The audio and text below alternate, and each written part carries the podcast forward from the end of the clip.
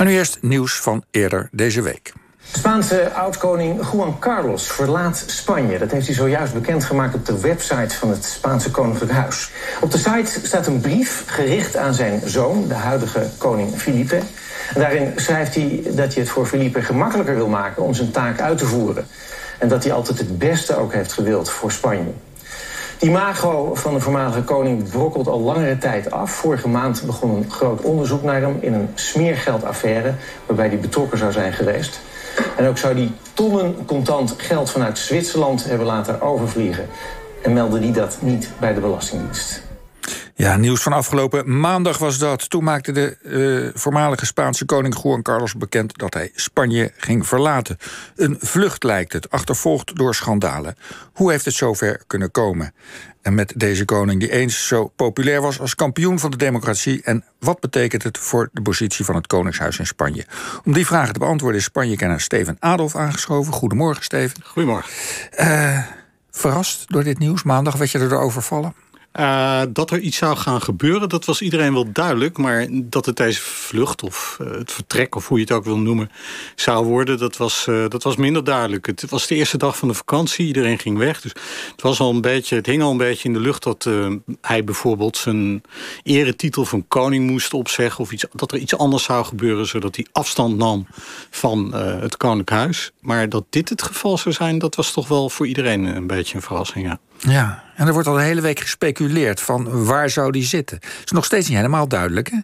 Nee, nou ja, officieel wordt er geen, uh, geen uh, mededeling over gedaan. Het laatste wat we hebben gezien is een foto dat de koning een vliegtuigtrapje af, afdaalt. En dat zou dan in Abu Dhabi zijn, waar hij in een luxe hotel heeft, heeft plaatsgenomen. En dat is in, in, inmiddels ook wel door meerdere media in, in Spanje overgenomen. Dus het lijkt erop dat hij terug is naar de plek waar eh, uitgerekend al deze ellende begon. Ja, eh, en eh, leg even uit waarom begon in Abu Dhabi alle ellende?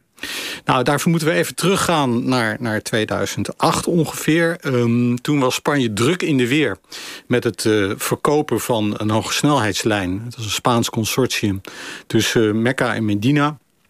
Dat hebben ze ook inderdaad uiteindelijk uh, gewonnen. En bij die transactie zou uh, Juan Carlos 100 miljoen euro toegeschoven hebben gekregen van zijn Saoedische vrienden voor zijn uh, goede werken als intermediair in die uh, transactie.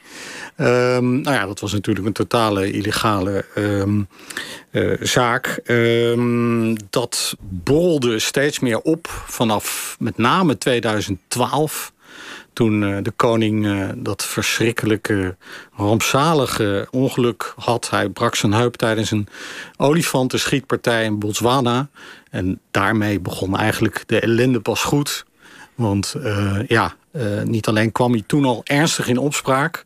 Het werd ook duidelijk dat zijn toenmalige vriendin Corina, die het olifantentochtje had georganiseerd, uh, eigenlijk al jaren uh, ja, zijn, zijn vriendin was, maar ook behoorlijk wat geld kreeg.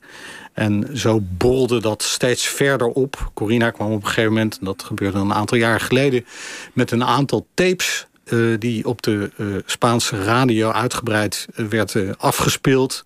Maar ook op de, op de, in de kranten te beluisteren was. Waarin zij dus verklaarde op een, beetje merkwaardige manier. Dat, er, dat de koning inderdaad deze steekpenningen had ontvangen. En ja, meer saillante details over, over al dat zwarte geld wat hij onder zijn hoede zou hebben. En waar later bleek zij ook een belangrijk deel toegeschoven heeft gekregen. Ja, ja, ja. En er zou ook, uh, dat hoorden we in het nieuwsbericht, uh, om tonnen cash die hij dan gesmokkeld had. Hoe zit dat precies?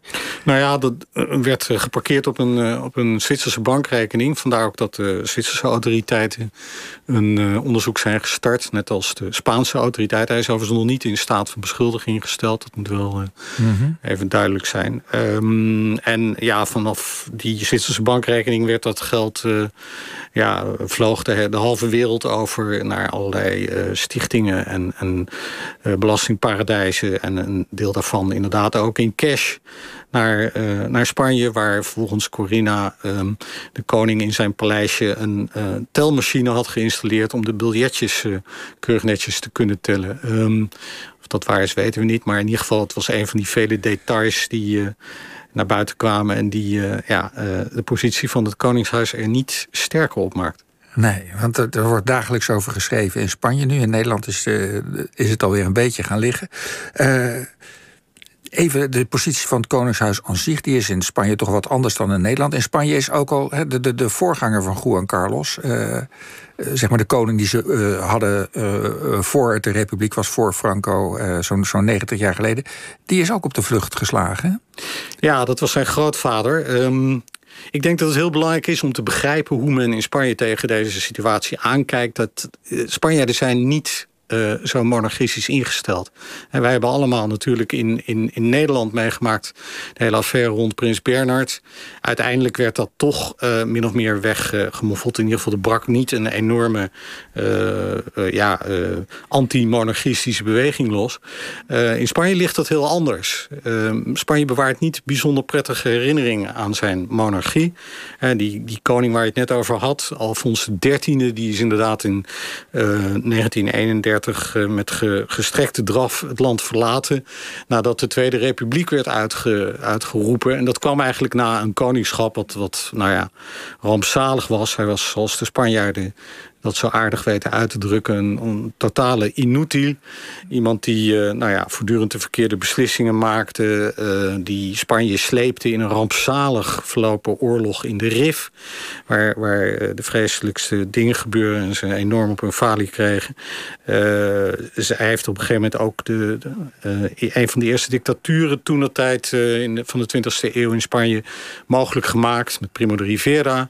Uh, en in, inderdaad, uh, er kwam nog eens een keertje de uh, crisis overheen. Nou ja, het was een aaneenschakeling van wanbeleid. En dat was de reden dat in de republiek werd uitgeroepen... en hij inderdaad als over kop besloot om naar Parijs te vertrekken... en nooit meer een stap in Spanje heeft gezet. Ja. In leven althans. Ja. Ja, goed, die, die republiek houdt dan niet lang stand. Uh, we weten allemaal, de Spaanse burgeroorlog uh, volgt uh, na een jaar of vijf republiek. En uiteindelijk trekt Franco daarbij aan het langste eind. En krijgen we weer een dictatuur die tot 75 duurt.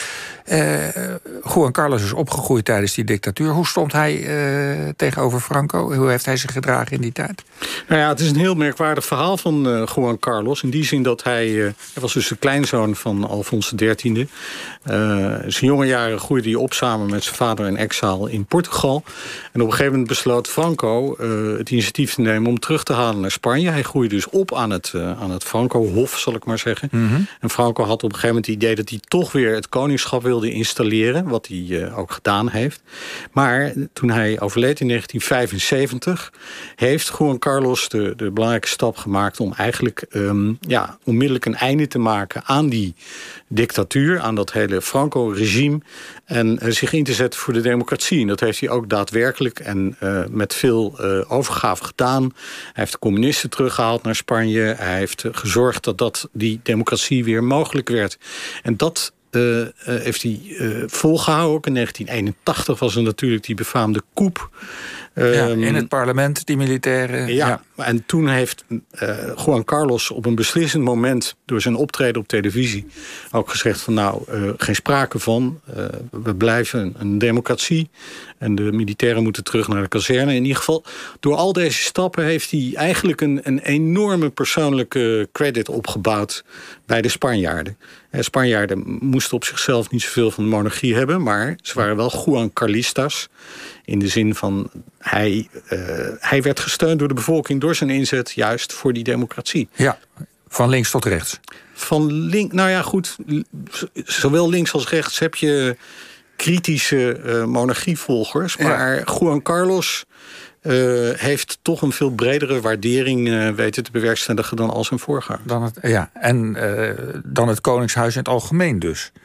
Ja, maar goed, je moet niet, niet, niet vergeten dat de Spanjaarden niettemin toch altijd wel kritisch zijn. met de monarchie hebben ze op zichzelf niet zoveel op. het lijkt erop dat een kleine meerderheid van de Spanjaarden eigenlijk liever een republiek wil. Maar door de persoonlijke verdiensten van een koning uh, kan het toch stand houden. Dat is met Juan Carlos gebeurd.